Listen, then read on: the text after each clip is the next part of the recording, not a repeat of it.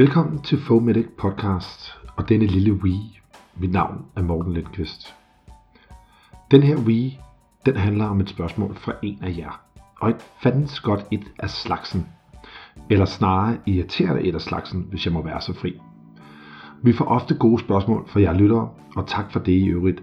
Bliv endelig ved med det, fordi det har vist sig at være en meget lærerig proces at finde svar på jeres gode spørgsmål.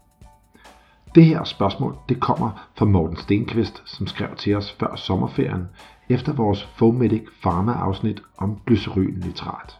Han spørger, vil I vente med at give nitrospray til EKG-optagelse er færdiggjort, eller har det ikke noget at sige?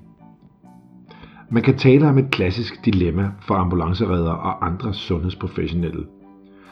Og hvis vi kan trække en parallel til tv i verdenen, så er der i øjeblikket den store bagedyst, og det her eksempel kan sammenlignes med den del af den store bagdyst, hvor de får den hemmelige udfordring.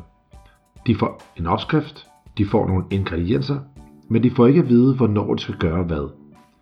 Så du må prøve dig frem. Skal gæret i vandet? Skal vandet ned i gæren? Og hvornår skal saltet i? Det handler altså om administration af nitroglycerin til AKS-patienter. Skal det gives før eller efter optagelse af EKG 12. Se, det er der mange påstande omkring, fordi nogen siger, at det vil påvirke EKG'et og eventuelt sløre tegn på akut infarkt og forsinke en eventuel visitering til den rette behandling. Det har krævet en masse diskussion, læsning og kontakt med diverse eksperter og kollegaer fra forskellige faggrupper, som synes, at det også var svært at svare på. Og svaret er, it depends. Det kommer altså an på, og lad os lige se, hvordan vi kommer frem til det her meget præcise svar. Det handler om nitroglycerin, og hvis man har brug for mere viden om nitroglycerin, så kan man lytte til det podcast, som vi udgav i Fomedic Pharma-serien den 30. april i år. Nogle patienter har selv nitroglycerin i form af nitrospray i deres hjem. Den må de benytte et vist antal gange ved specifikke symptomer, før de skal kontakte lægen eller 112. Det kan være, hvis de lider af stabil angina pectoris. De må altså benytte det, uden at der er optaget en EKG12, målt et blodtryk, og faktisk må det gøre det uden at spørge nogen først. Det må de, fordi deres tilstand den er udredt, og de tager det PN, som betyder ved behov efter vejledning. Så hvad er det for noget med et dilemma om, at vi skal gøre visse ting først, når de selv må tage det?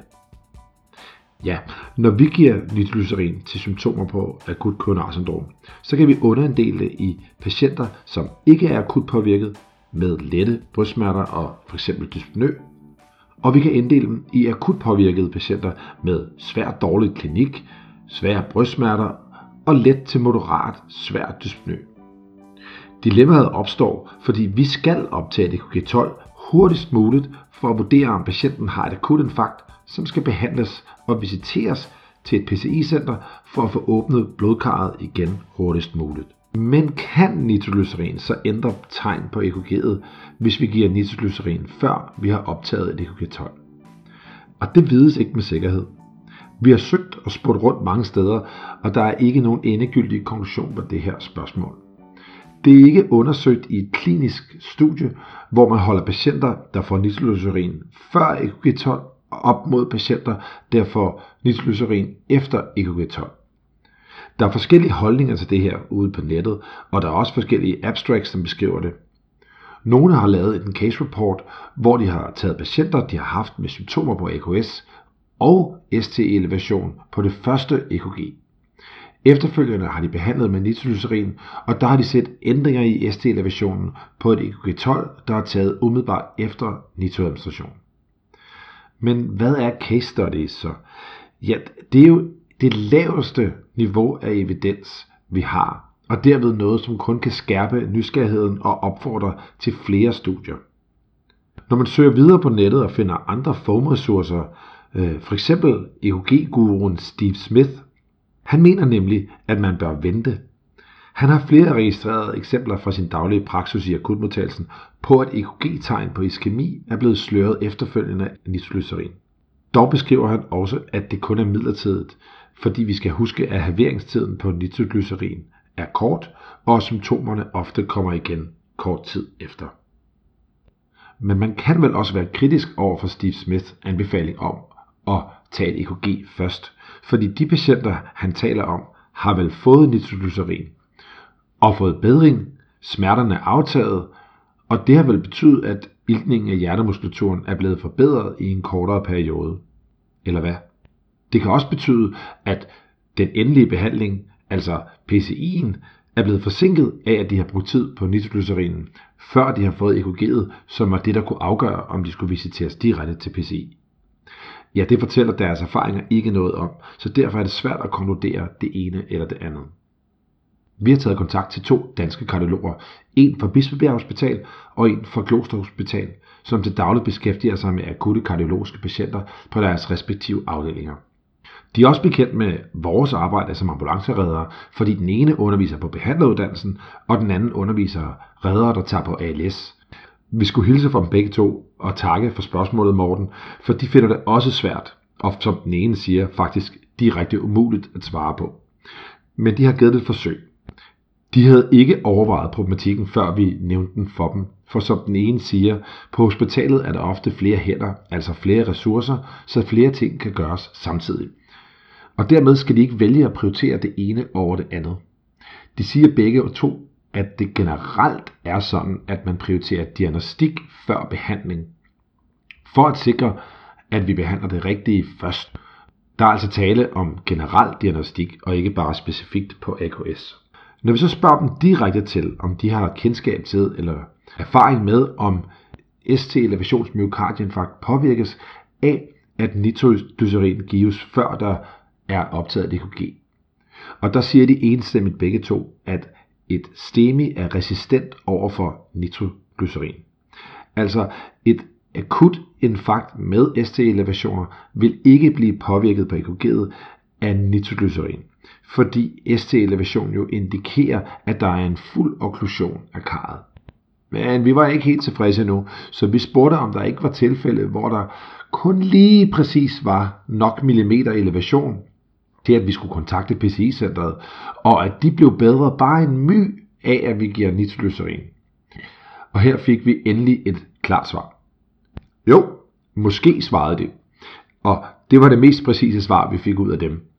Men de præciserede, at vi skal huske, at det er patientens samlede billede, inklusiv vitalparametre og EKG, vi konfererer, og ikke det præcise antal millimeter på et EKG. Ja, det præcise antal millimeter på et EKG er sat som en standard for når, hvornår man skal mistænke, at der kan være akut infarkt. Men det kommer an på patienten, historien, tilstanden og den samlede vurdering. Altså it depends. De mener, at det bedste er at prioritere patientens historie, blodtryk, EKG12 samtidig, og så give nitroglycerin så hurtigt som muligt.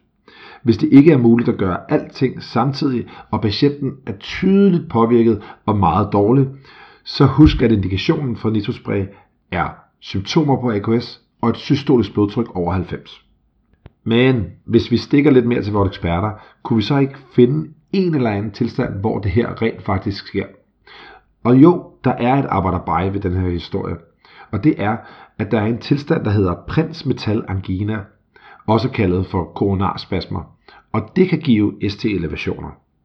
Men den tilstand har effekt af nitroglycerin, og dermed også en effekt på de ST-elevationer, der kommer.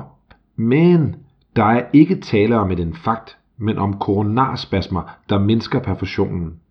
Og det afhjælpes af nitroglycerinen, da blodforsyningen bedres af, at karret afslappes af nitroen, og der efterfølgende kommer perfusion til vævet. Så der er altså ikke tale om en okklusion. Men hvad så? Er vi blevet klogere? Ja, det synes jeg faktisk, vi er.